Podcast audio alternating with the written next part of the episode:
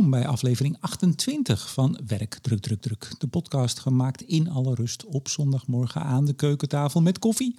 Maar vooral met stress- en burn-out coach Melissa Schouwman. Goedemorgen. Goedemorgen Melissa, in een uh, verduisterde, wat donkere keuken. We hebben zelfs even het licht aangedaan ja. om toch een beetje de notities te kunnen zien. Maar alles is dicht om de hitte buiten te houden. Ja. Dus we zitten hier enigszins bezweet met koffie uiteraard om een nieuwe aflevering op te nemen. En ik vraag dan altijd, waar gaan we het over hebben? Maar ja, de luisteraars die uh, uiteraard vorige keer geluisterd hebben, die weten het al. Ja, die zouden het moeten kunnen weten. Want het wordt een andere aflevering dan anders. We hebben luisteraarsvragen te behandelen. Ja, jij bent een beetje, ik weet niet hoe dat tegenwoordig heet. Ik ben al ietsje ouder, maar vroeger had je geloof ik in een van de rottelbladen uh, Lieve Mona. Lieve Mona, ja, ik heb het nog even teruggezocht. Van, zou ik mezelf niet als een soort Lieve Lissa uh, kunnen gaan presenteren? Ja. Ja. Zonder daarbij de kwaliteit en de integriteit van je vak natuurlijk tekort te doen. Precies. En, en Mona was ook heel goed in haar vak hoor. Ja. Dat was heel gewaardeerd. In de, in de story was dat. De story, ja. ja. Ja, in het blad de story. Nee, maar het is wel een dingetje, want er zijn heel veel vragen binnengekomen. Je hebt er drie uitgeselecteerd. Waarom drie? Nou, die staan voor uh, ook wat grotere thema's. Precies. Uh, dus er waren uh, meerdere vragen over bijvoorbeeld werk-privé-balans. En dan uh, ja, heb ik gewoon even gekeken, wat is nou een interessante invalshoek anders dan die we alles hebben gehad. Ja, nee, maar het zou een beetje gek zijn als je 10, 12, 13 vragen er in een half uur erin zou jassen. Ja. Dan zou het ook lijken of je op iedere vraag even zo even heel snel een antwoord hebt. En dan zou je je vaktekort doen, denk Precies. ik. Precies. En het zal ook heus niet zo zijn dat ik bij een bepaalde vragen zeg... nou, hier weet ik echt alles van. Maar ik kan er wel, uh, kan wel wat linken leggen. Ja, nou, drie vragen, uh, drie thema's zou je het bijna kunnen zeggen. We hebben natuurlijk ook nog wat blokjes nieuws. Nieuws uit de media, maar ook nieuws van jou. Want weer een nieuwe column. En die heet... Goed gesprek met mail in de mond in Binnenlands Bestuur. Ja. Ik ben heel benieuwd, waar gaat die over? Ja, ja, spannende titel wel, hè? Mm Ja, ik vond dat mail in de mond. Heb ik ook even zitten, zitten googelen van wat betekent dat nou precies? Nou, ik neem nu even koffie in de mond. Ja, precies. Dat is ook goed. Um, hopelijk zit er geen mail in. Maar uh, uh, dus uh, moeilijk kunnen praten met elkaar. En dat blijkt het geval uh, als het gaat over gezondheidsthema's op de werkvloer. Dus hoe is het met iemand? Hoe is iemands mentale gezondheid? Hoe is iemands fysieke gezondheid? Uh, en men denkt dat daar wel goede gesprekken over gevoerd uh, worden. Maar HR, PNO'ers maken zich daar al, al jarenlang druk over. want die weten dat dat eigenlijk niet zo is. Dat leidinggevenden best wel aan het worstelen zijn met het voeren van gesprekken met medewerkers over hoe gaat het nu eigenlijk met ze. Als mijn baas bij me zou komen, ik heb geen baas, maar goed, stel dat. Die zegt, hoe is het met jou? Dan zeg je, gaat je helemaal niks aan. Ja, zou je dat zo zeggen? Ja. nee, als het, nee, maar als het, het het oppervlakkige bij de koffiemachine is, hoe is het met je? Ja, gaat goed. Of nou, ik heb slecht geslapen. Of, maar als het echt over wat fundamentele zaken gaat, die de, die de werkgever aangaan, als jij nou echt, nou ja, waar, waar, we het hier iedere eh, aflevering over hebben. Ik weet niet of je dan uh, snel geneigd bent om dat meteen even op tafel te leggen. Ja, nee, daar, daar raak je ook een punt. Dat is ook precies de schroom die aan de werknemerskant zit. Maar ook werkgevers hebben schroom, want die weten ook dat er een klem zit op uh, wat ze allemaal wel en niet mogen vragen. er is uh, strakke privacywetgeving ja. en hier speelt ook nog een soort medische medisch beroepsgeheim een, een rol in. Uh, alleen omdat uh, als dat steeds wordt benadrukt, terwijl de hoeveelheid problematiek alleen maar groter wordt en er eigenlijk steeds meer noodzaak is om sneller openheid van mhm. zaken aan elkaar te geven. Wordt dit wel een beetje een gekke dans. Een beetje een ingewikkelde gekke dans. En ik ben zelf leidinggevende geweest. Ik ben en PNO en leidinggevende geweest. En ik weet dat het wel te doen is om dit soort gesprekken te voeren. Alleen het is wel een kwestie van uh, ja, gewoon ergens beginnen en dat klimaat in een team of in een, in een organisatie ook zo maken. Ja, dat mensen zich ook niet geremd voelen om te vertellen hoe het met ze is. En ik denk ook gewoon oprechte belangstelling hebben. Ja. Als, ik denk dat je heel snel merkt als uh, in Nederland zijn we natuurlijk allemaal gelijk, zogenaamd. Heel anders dan in Duitsland. Daar heb je nog hiërarchie. Ja. Frankrijk ook wel. Maar uh, wij zijn heel erg gewend om iedereen, je en jij, allemaal tegelijk. Maar je merkt toch wel, denk ik, als jouw baas vanuit een werkgeversbelang vraagt naar hoe het met, uh, met jouw mentale gesteldheid is. Of als hij gewoon als een, ja, als een collega of een bijna vriend dat vraag. Dat voel je. Nou, het is ook heel belangrijk dat mensen uh, weten dat, je, dat wat ze je vertellen niet tegen ze gebruikt kan worden, maar voor ze gebruikt wordt. En nou, als leidinggevende uh, had, had, ik daar denk ik wel uh, iets goeds in te pakken. Dat ik, ik hoefde niet te sleuren en te trekken om die informatie boven tafel te krijgen bij medewerkers. Gewoon omdat er een klimaat op de afdeling was. ja, waarin we het over van alles konden hebben. En ook ik zelf vertelde hoe het met mij ging. En natuurlijk moet je wel helder maken als je als leidinggevende dit soort vragen stelt. Dat je dat doet om iemand te helpen om te voorkomen dat hij gaat uitvallen. En uh, dan moet je ook laten zien dat je bereid bent om maatregelen te treffen. Als ik een, een uh, overwerkte medewerker in mijn, uh, in mijn team had, dan ging ik ook echt kijken: oké, wat is er dan te veel en wat zullen we dan wegdoen? En, en, en dan ook later daar weer op terugkomen: hoe is het nu? gaat het nu beter? Uh, ja, het is, het is eigenlijk wel te doen. Alleen eh, er is een soort gek ingewikkeld frame omheen gekomen, waardoor mensen in de kramp raken. Ja, ik schot, beschoot bij mij eens een beeld in mijn hoofd toen je zei van, uh, maar dat, het, dat je ook moet weten dat het niet tegen je gebruikt gaat worden. Als je werknemer zegt, nou Kees, leuk dat je het vraagt. Ik heb af en toe van die neigingen. Dan ga ik een uur in mijn auto zitten en dan rijd ik rond met een grote bijl achterin en een scherp mes. Ik denk toch dat het op een of andere manier wel bij je terugkomt in je dossiertje. Goed, we gaan snel beginnen. Vraag 1. Ja, hoe zorg je voor een goede werk-privébalans? Hoe, hoe is die vraag tot jou gekomen of dit thema? Nou, dat kwam eigenlijk via meerdere, meerdere kanalen. Heel veel mensen zijn uh, druk uh, met werk-privé-balans. Men weet dat daar wel een, een, een ding zit, hè, dat het daar wel vaak mm misgaat. Uh, dus er waren meerdere vragen die hier aan raakten.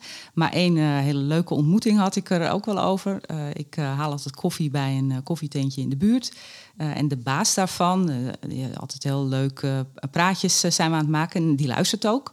Uh, regelmatig naar de, naar de podcast. En hij is een ondernemer, hij heeft een, een koffiezaak die hij heeft overgenomen. Is druk om dat op te bouwen. Dat gaat gelukkig heel goed. Mm. Uh, uh, en uh, hij vertelt dus ook wel over zijn eigen werkdruk. En hij was degene die toen ik zei: Goh, heb je misschien ook nog een vraag voor de podcast? Want hè, je, je, kans. je luistert. En, en hij vertelde dat werk-privébalans inderdaad iets is waar hij ook wel mee worstelt. Wat hij ook hoort van zijn klanten in de koffiezaak, mm -hmm. trouwens.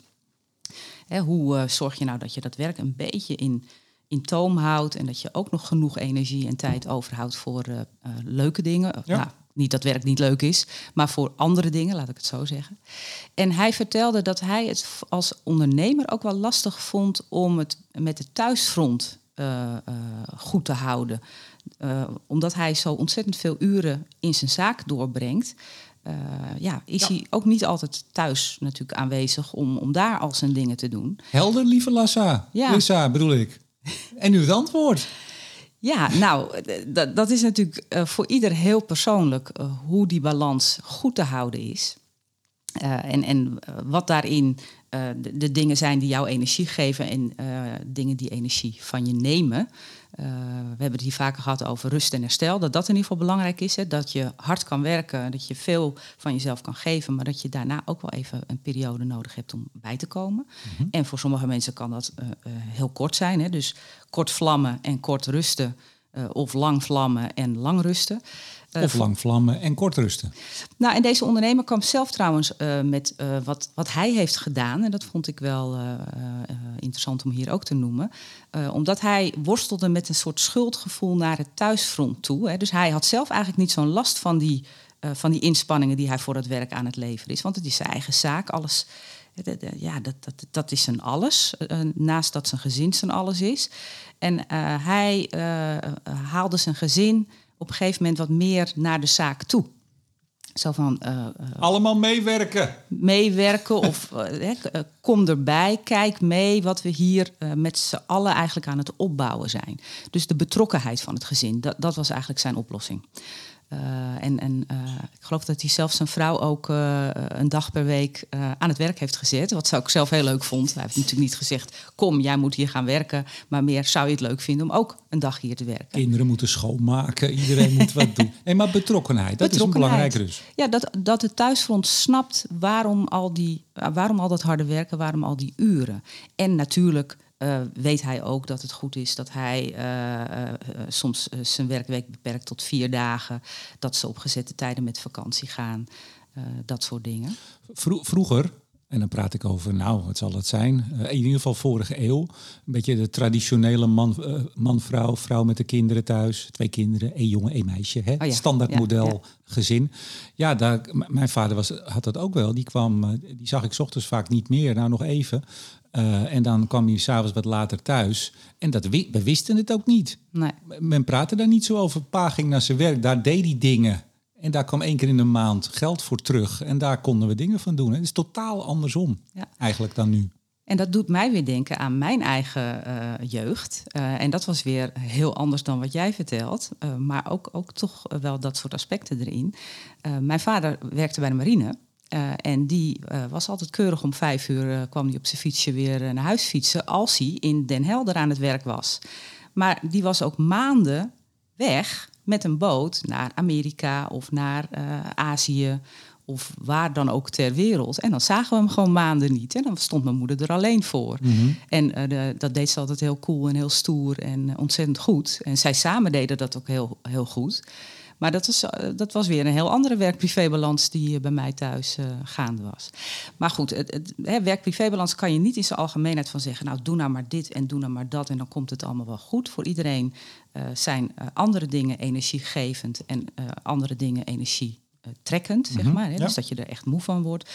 Uh, en, en dat in de gaten houden, maar ook uh, iets doen met dat schuldgevoel, waar, waar deze ondernemer dan uh, over sprak dat is wel belangrijk. Hè? Dus dat je niet de hele tijd het gevoel hebt, ja, voor mij is het wel goed, maar ik heb de hele tijd uh, een omgeving die, die het eigenlijk allemaal uh, niet oké okay vindt. Dat, uh, daar moet je dan ook een oplossing voor, voor zoeken. En hij heeft die gevonden. Communicatie. Communicatie. Blijf ja. met elkaar in gesprek. Kun je natuurlijk altijd zeggen bij alles. Ja, goed gesprek. Zonder mail in de mond. Kijk, hey. nou, cirkeltje nu alweer rond. Een opvallend artikel afgelopen week, nee, afgelopen maand. in PW, dat is een personeelswerk, denk ik. Heet dat? HR? Eh, ja, het is, komt oorspronkelijk geloof ik wel van personeelswerk af, maar het is een HR-blad, inderdaad. Een, blad gericht op HR-professionals. kabinet gaat taboe op overgangsklachten aanpakken. Ja, dat vond ik zo uh, bijzonder. Zo van het kabinet, hè, hoog over. En die gaan zich dan met zo'n heel, uh, ja, zo'n heel menselijk onderwerp, gaan ze zich daarmee bezighouden. Mm dat, dat vond ik uh, al opvallend. Minister Kuipers en minister Van Gennep van Sociale Zaken, hij is van Volksgezondheid, die zeggen dat er meer kennis nodig is over het onderwerp. Onder vrouwen, werkgevers, artsen, et cetera. Ja. ja, wat ze zien, en ook RIVM uh, eh, heeft daar onderzoek naar gedaan. En ook TNO heeft trouwens daar wel... Heb je het hier wel eens over gehad? We hebben het hier wel eens over gehad, ja. En RIVM zegt dat een derde van de werkende vrouwen aangeeft, soms door klachten, door dit soort klachten, overgangsklachten, maar ook andere klachten die meer uh, die, die puur uh, vrouwen hebben, mm -hmm. uh, dat ze dan daar zo'n last van hebben dat ze hun werk minder goed kunnen doen. En TNO heeft ook wel eens de link gelegd tussen overgangsklachten en dan een grotere gevoeligheid om uit te vallen door overspanning en, en burn-out. Mm. Dit is niet een flauwe opmerking omdat ik een man ben, maar hebben mannen op een zekere leeftijd niet ook op een heel andere manier en misschien eh, niet te vergelijken, maar niet ook klachten? Zo, zo eind 50. Die, die zullen ook een soort van overgang hebben. Alleen bij vrouwen is het heel fysiek. fysiek hè? Ja. Uh, en en wat, er, wat er bijvoorbeeld wel uh, is geconstateerd, dat is nu minder aan het worden, maar dat mannen ook in hun traditionele rol, uh, zoals we het er net over spraken, dat zij dan de kostwinner en harde dat harde werken, wat nu eigenlijk veel meer verdeeld is over, over alle mensen. Maar dat die mannen zo die rol vervulden. En uh, ook een beetje van, nou, ik moet door en ik moet zorgen dat het gezin van mij uh, uh, het ja. hoofd boven water kan houden. Dat zij in het verleden wel meer fysieke klachten en onder andere hartproblematiek daardoor kregen. Nou, heel veel vielen gewoon, ik zeg het heel plat, vrij jong dood neer. Ja.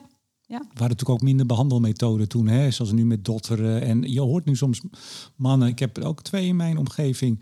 Dat is dan bijna voor ja, ik, ik had een kramp op de borst. En nou, was, ik was er net op tijd bij. Stents erin, dotteren en uh, hup maar weer. Maar vroeger was je, dan was het klaar. Ja. Vaak.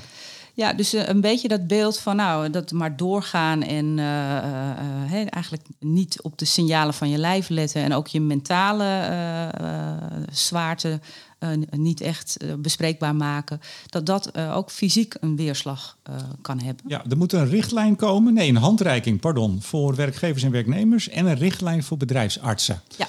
Toen jij het net zei, uh, uh, ik weet niet, uh, we hebben het hier niet over gehad van tevoren. Vind je het nou goed dat een kabinet, een regering zich hier op deze manier mee bezig gaat? Ik, ik dacht te horen in je stem dat je een beetje dubbel in zit, of niet? Nou, ik vind het meer opvallend. eigenlijk wel grappig dat zo'n onderwerp de aandacht zelfs heeft van het kabinet. En ook wel goed, want het, het, het is dus blijkbaar wel iets waar we nog niet een goede weg mee hebben gevonden. Dus vrouwen hebben lang de, de, de neiging gehad om het een beetje voor zich te houden. Zo van, god, wie zit er nou te wachten op mijn overgangsklachten? om, om daar van alles over te horen. Ook een beetje van, nou, hè, laat ik er maar het zwijgen toe doen. Mhm. Eh, werkgevers die er niet per se alert op waren... of misschien inderdaad ook wel vonden van, nou, dat gezeur, uh, wat moeten we ermee? Dus ja, ik vind, ik vind het echt wel goed, maar opvallend. Ja. Je zou eigenlijk eerder denken dat vanuit de Arbo-hoek uh, dit soort dingen komen. Hè? Dus dat, dat daar de, de richtlijnen ineens aangescherpt langskomen. Maar nu vindt het kabinet echt dat dit gestimuleerd moet worden. Ja, ik vind, ik vind het. ja, ik ben, er, ik ben er wat mixed, mixed feelings, zoals het heet. Okay. Het, het, zit ook wel een beetje. Nou, laat ik zo zeggen, waar, waar stop je? Hè? Want aan de andere kant heb je natuurlijk ook mensen, uh, zijn er niet vrouw, zijn er niet in de overgang. Iedereen kan op allerlei momenten in zijn leven, levensfases, kan allerlei problemen hebben. Niet, ja. hè, dat hoeven niet fysieke of, of overgangsklachten, maar jonge moeders, jonge vaders.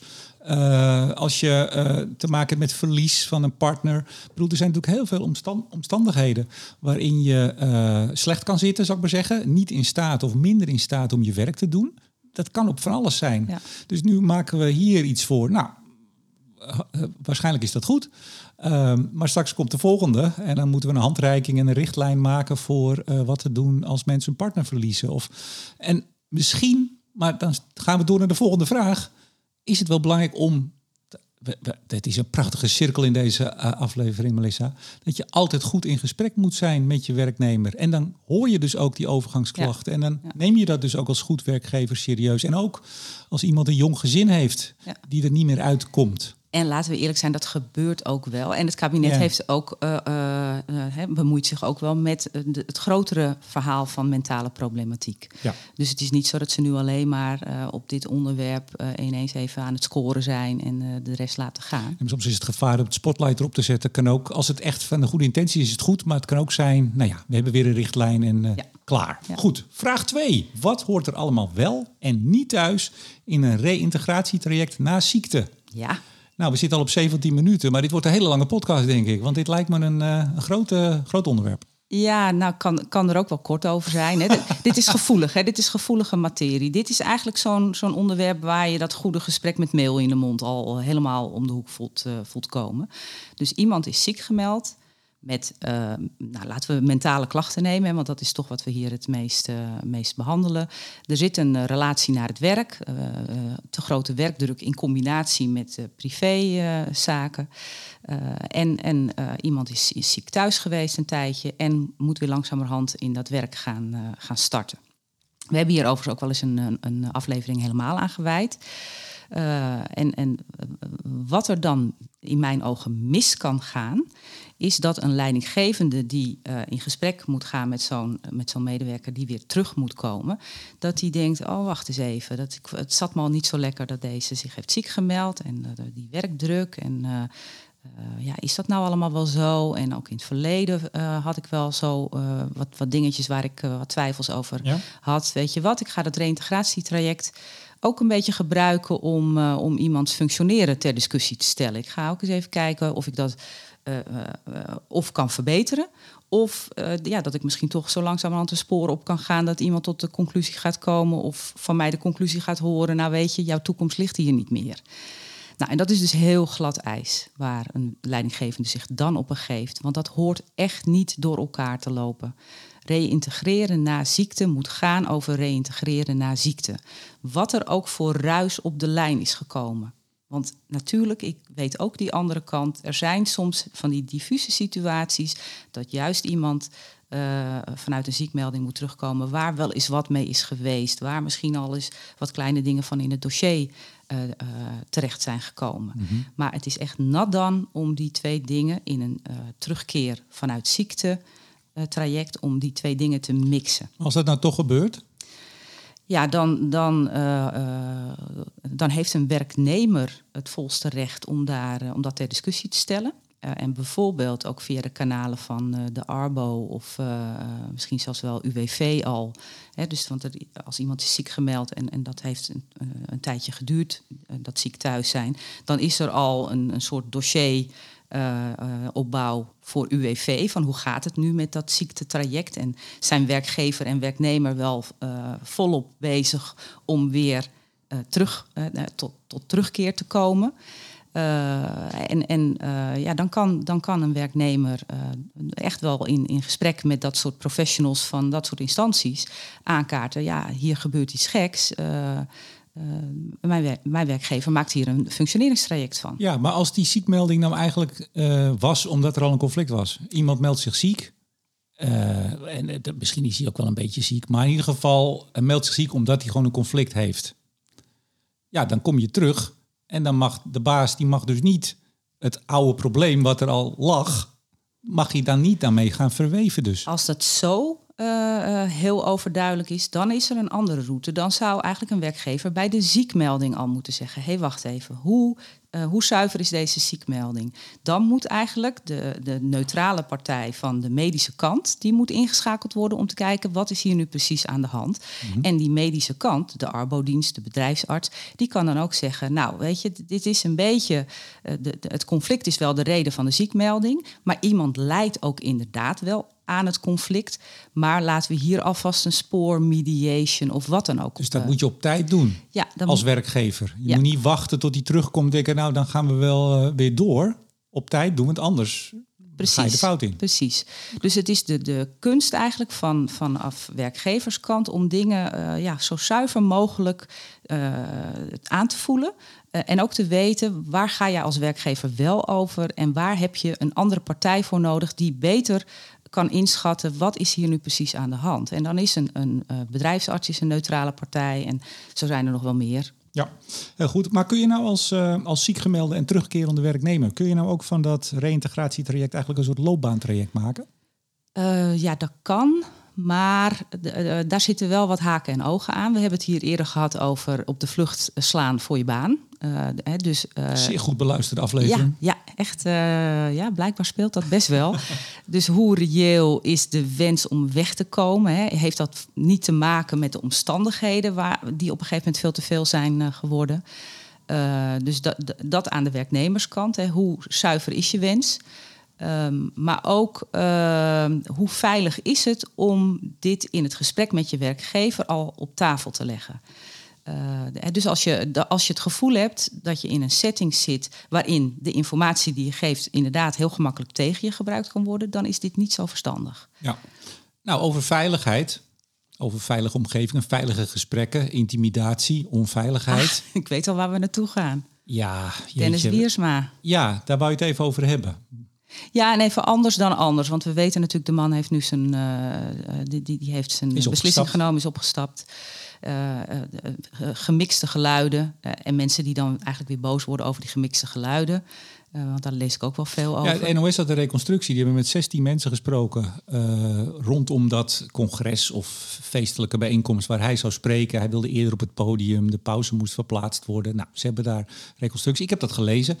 Maar wat hij nou echt gedaan heeft en gezegd heeft, waardoor twee mensen zich uh, onveilig, wat was het ook alweer? Uh, ook fysiek en uh, nou, mentaal onveilig of geïntimideerd voelden.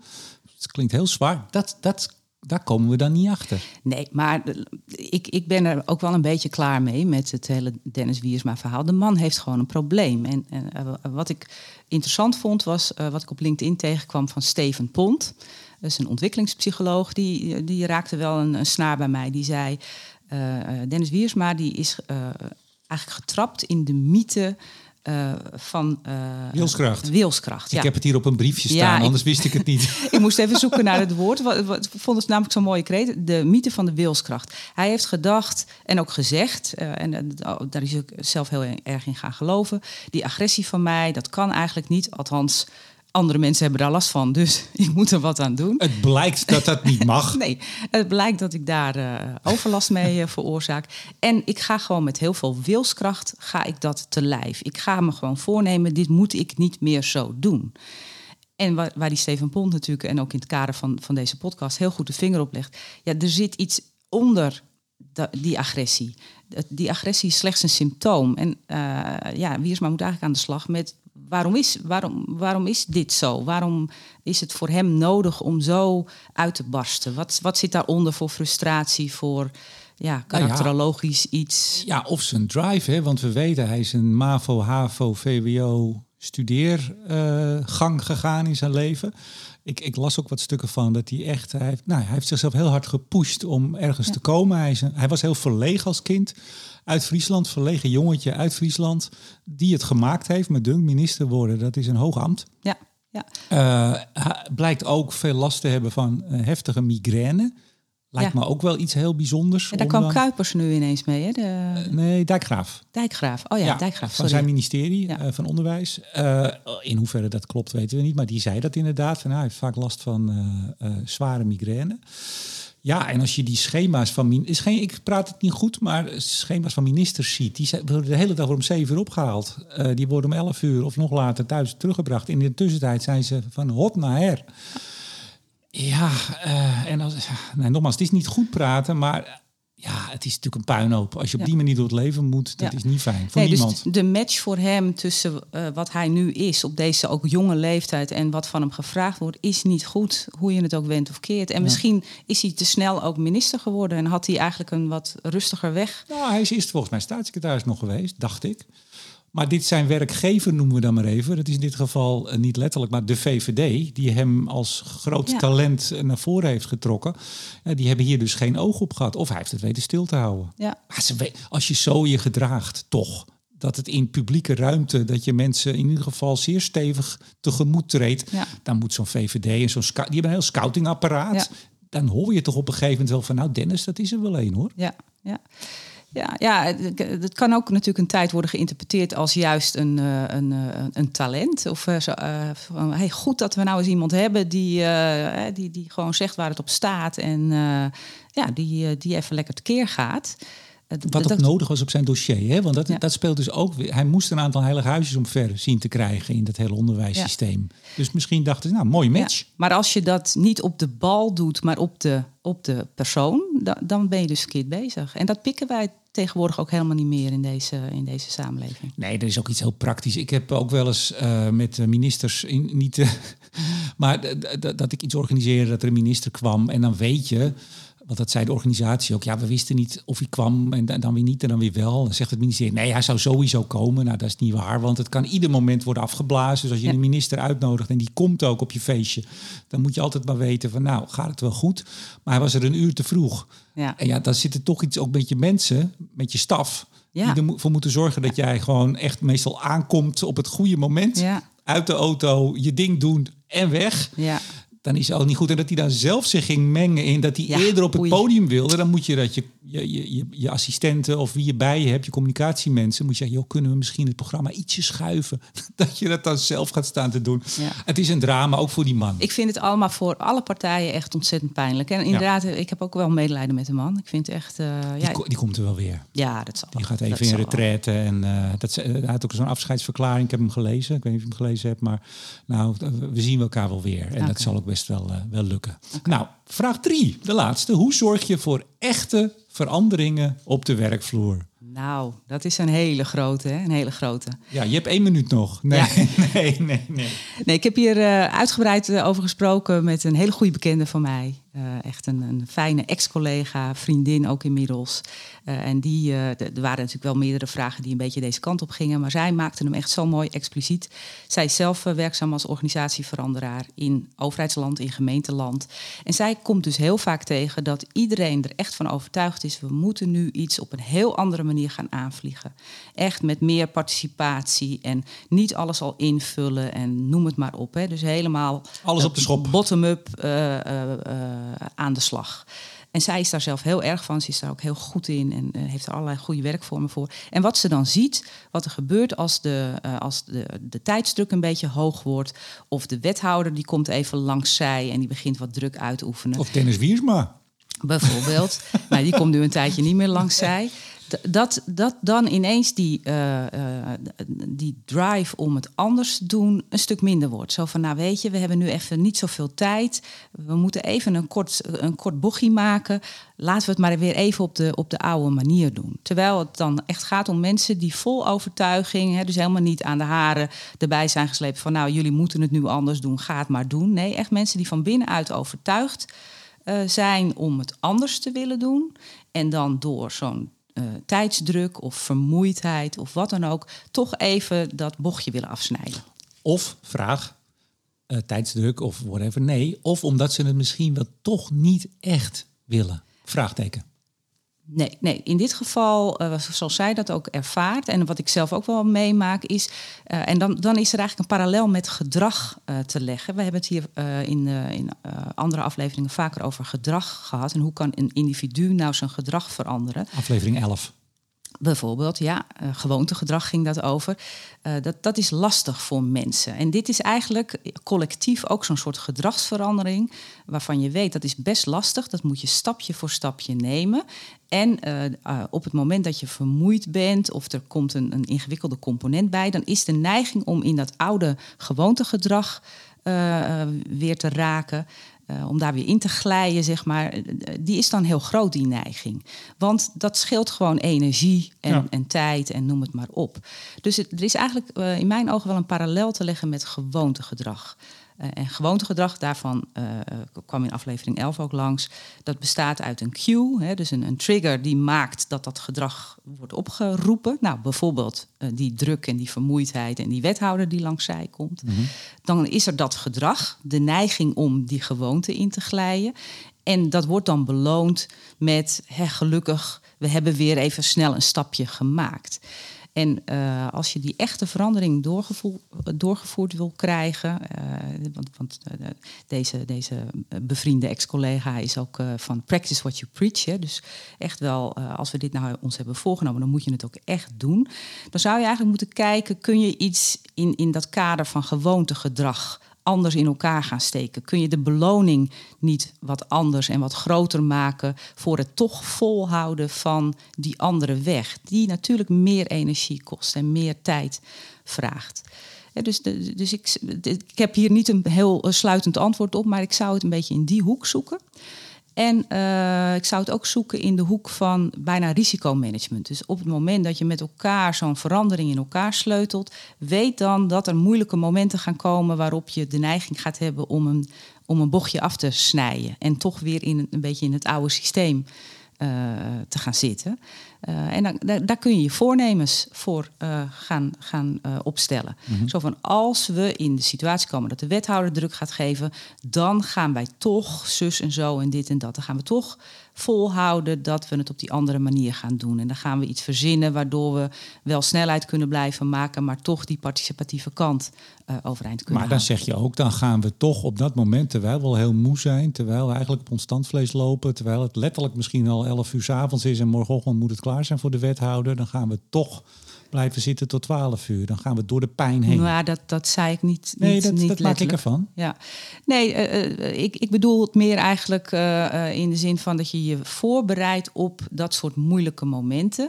En dat je natuurlijk vanuit een reëel beeld van wat je kunt doen, dat je gaat kijken welke, welke voornemens kunnen we formuleren. Het zou ook een voornemen kunnen zijn als de wethouder druk gaat uitoefenen, dan gaan we uh, nog weer eens even heel goed om tafel met de wethouder en weer terug naar de uitgangspunten. Dat zou ook een, een formulering kunnen zijn. Hm. Uh, dus het gaat dan niet per se om, dan gaan we keihard werken en onszelf uitputten om het toch voor elkaar te krijgen. Nee, maar als je, nee, maar als je gewoontegedrag, hè, je zei het net zelf goed, um, als je daarvan af moet, dat kost energie. Ja. Ik bedoelde, jij bedoelde het al, uh, niet letterlijk, ik maakte het even letterlijk. Als je, naar, als je je voorbereidt op het punt van, ja, dat is dan zo'n moment waarop het eigenlijk aantrekkelijk is om in het oude gedrag te gaan, want dat kost ons minder energie, dat is makkelijker. Dan moet je dus op het moment dat je je gaat voornemen, maar wacht even, als dat punt er komt, dan gaan we dat toch niet doen. Dan moet je dus die extra energie, dat moeilijke, moet je dan nou, dat moet je dan gaan doen, ja. dat moment. Nou, en dan kun je zelfs in dat voornemen nog meenemen. Dan moeten we wel weten dat dit gebeurt op het moment dat we, dat we zwaar onder druk staan. Hoe kunnen we dan ook zorgen dat we dat voor onszelf op een gezonde manier blijven doen. Hè? Dus dat, dat, dat, kun je zelfs ook nog meenemen in het voornemen. Het is, het is een soort risicomanagement, zou je kunnen zeggen. Dus je gaat al situaties van tevoren bedenken, die misschien komen die situaties helemaal niet eens voorbij, maar je hebt je dan al met elkaar mentaal erop voorbereid uh, nou, dat dat soort momenten gaan komen. En, en dan weet je ook, daar kunnen we met elkaar uh, over praten. Nu overkomt het groepen mensen vaak. Ja. Dan, dan hadden ze, waren ze vol enthousiast uh, achter die verandering gaan staan. en dan in dat veranderen blijkt dat toch allemaal wat weerbarstiger dan gedacht. En daar hadden ze het misschien met elkaar nog nooit over gehad. Ik, ik, heb een heel klein praktisch voorbeeldje. We lopen toch een beetje uit, maar dat mag wel, hè? Ik, ik, zit naar jou te kijken. Je zit achter een microfoon. Ik, ik doe al heel lang podcasts, uh, andere. Uh, en op een gegeven moment heb ik nieuwe apparatuur. Uh, ja. ging ik kopen. Ja. En, en gebruiken. He, echt heel anders. Ander programma, andere microfoons, maar vooral de, de hele hardware en het systeem. En toen, dat waren allerlei redenen dat ik vond dat dat moest. Bijvoorbeeld dat ik meer mensen tegelijk kon, kon uitnodigen. Maar ik wist, er komen momenten, want het is echt een gedoe. Als je gewend bent aan een bepaalde setup, dan weet je als je dat nieuw moet doen, dan zit je echt met twee linkerhanden in het begin van hoe werkt dit? Ja. Want je krijgt wel een keurig boekje erbij hoe het werkt, maar dat, dat is gewoon veel doen. Dus ik wist van tevoren, er komen momenten dat ik eigenlijk die nieuwe apparatuur in de hoek van de kamer wil trappen. Ja, en denk, ik ga weer terug naar mijn oude. Ik pak gewoon mijn oude microfoons en mijn oude andere spullen. Lekker weer, lekker weer dat oude. Ja, wat ik al jaren doe. En dat kan ik blind letterlijk bijna kan ik dat neerzetten en opnemen. Ook voor deze podcast. Wij zijn ook voor deze podcast geswitcht van de ene spullen naar de andere.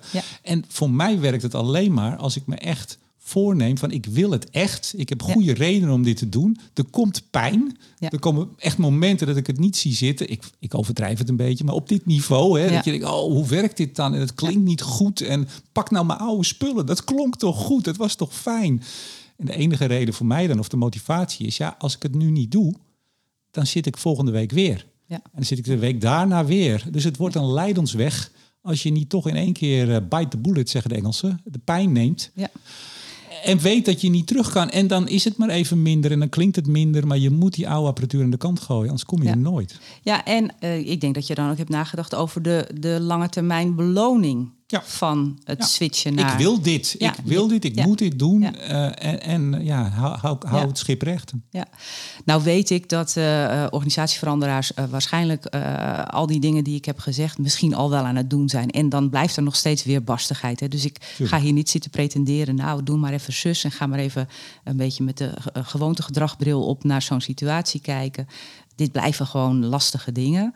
Maar wel heel interessant om te kijken of je dan uh, ja, toch nieuwe wegen daarin uh, kunt uh, bewandelen. Als het makkelijk was, dan bestonden er geen, ik weet niet hoeveel honderden, duizenden veranderingsadviseurs. En, en, en als het makkelijk was, had ik ook niet zo heel veel te doen, zeg maar. Dan had ik misschien toch een ander vak moeten kiezen. Dit lijkt me een prachtige afronding van deze podcast. Als mensen nou uh, contact willen leggen met je. Of misschien nog eens een vraag willen insturen. Dit was even een eenmalige. Maar misschien wil je het nog wel eens een ja, keer dat doen. zat ik me net af te vragen. Van, uh, zullen we het vaker doen? Ja, ik heb geen idee. Ik ben, ik ben maar de man die met microfoons aankomt zetten ja. en uh, er tegenover gaat zitten. Dus ja. ik sta hier helemaal buiten. Laten we dat aan de luisteraars overlaten. Precies. Um, als die nou contact met jou willen leggen. Ik heb zelf eigenlijk geen idee hoe dat zou kunnen. Iedere keer zeg je dat op deze manier. Nou, je weet inmiddels wel mijn, uh, mijn e-mailadres. info.melissaschouwman.nl Ja, ik weet wel dat het Melissa is. En dan Schouwman zonder W en met OU. En ja. er is er maar één van in Nederland. Ik geloof twee in de wereld. Dus ja. dat, dat kan niet missen. info.melissaschouwman.nl En LinkedIn, daar ben ik ook heel goed op vindbaar. Ja, en Twitter. Maar dat is een beetje... ja Twitter doet niet zoveel Nou, meer hoor. Vind je het nou leuk om te luisteren en denk je, nou, daar hebben andere mensen ook wat aan. Luister eens naar die vrouw. Nou, laat het ze dan weten. Stuur eens een berichtje. Social media.